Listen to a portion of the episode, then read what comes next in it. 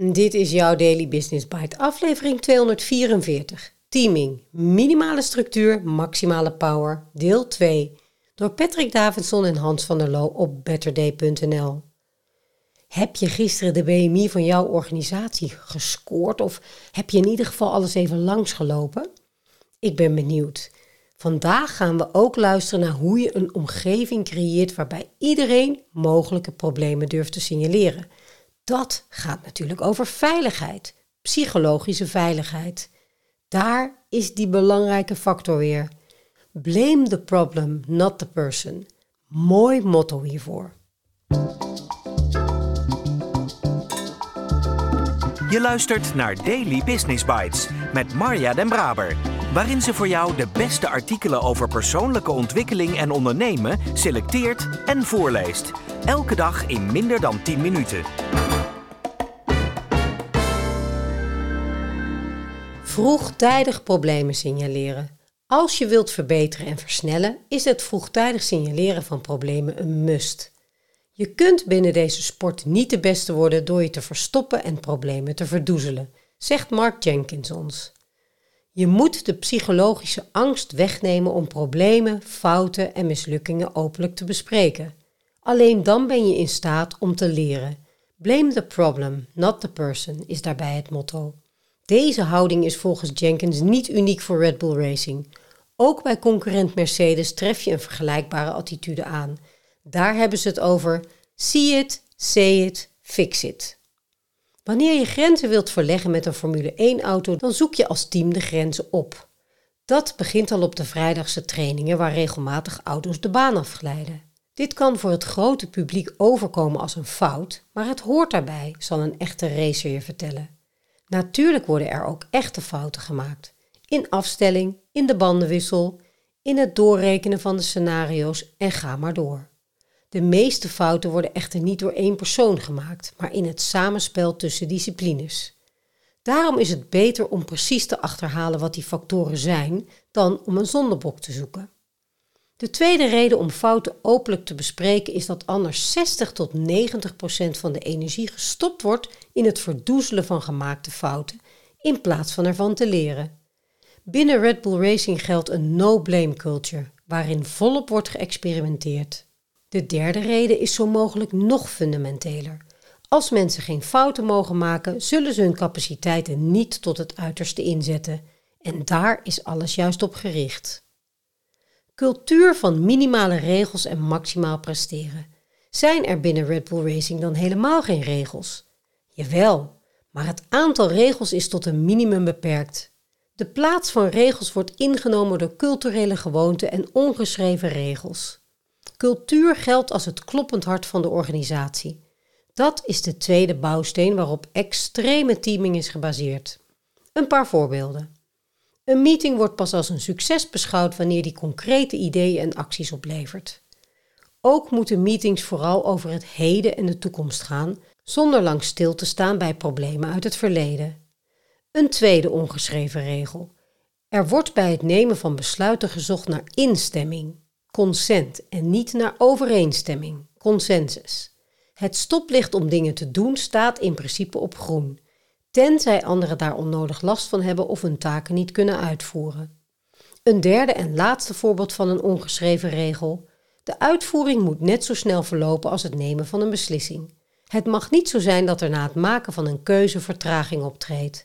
Als het besluit is genomen, dan is het volle bak vooruit.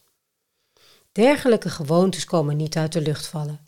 Ze zijn opgehangen aan een kapstok van heldere en breed doorleefde ambities en daarvan afgeleide doelen.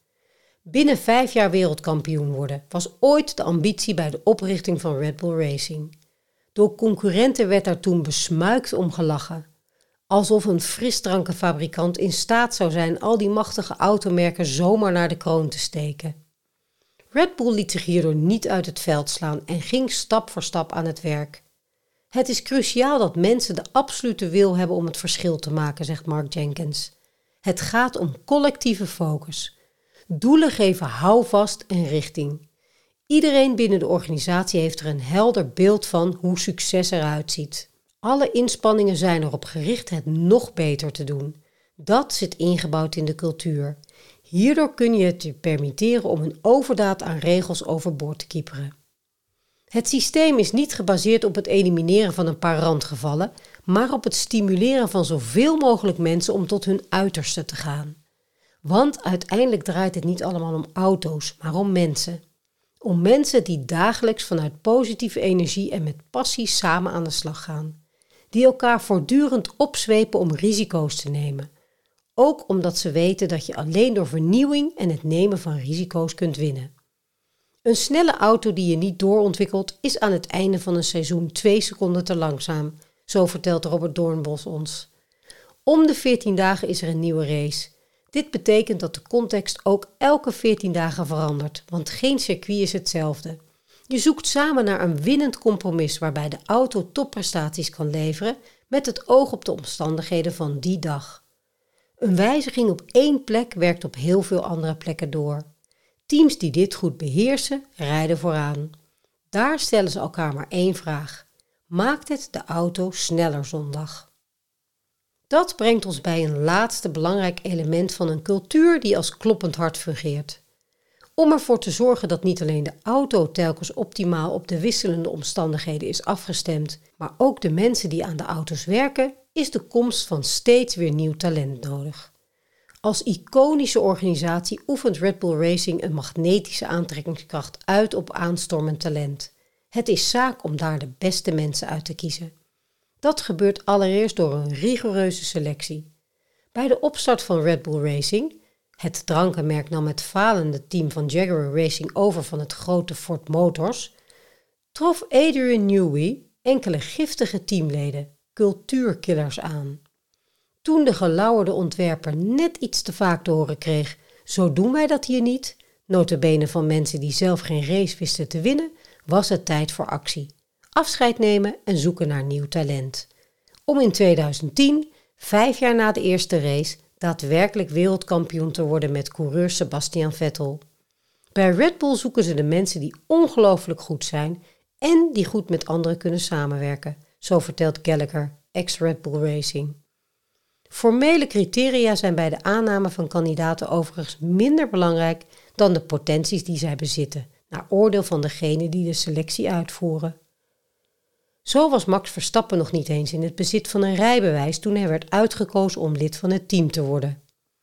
Kelleker verwoordt deze handelswijze als volgt: Red Bull denkt in kansen. Max Verstappen was altijd al heel snel.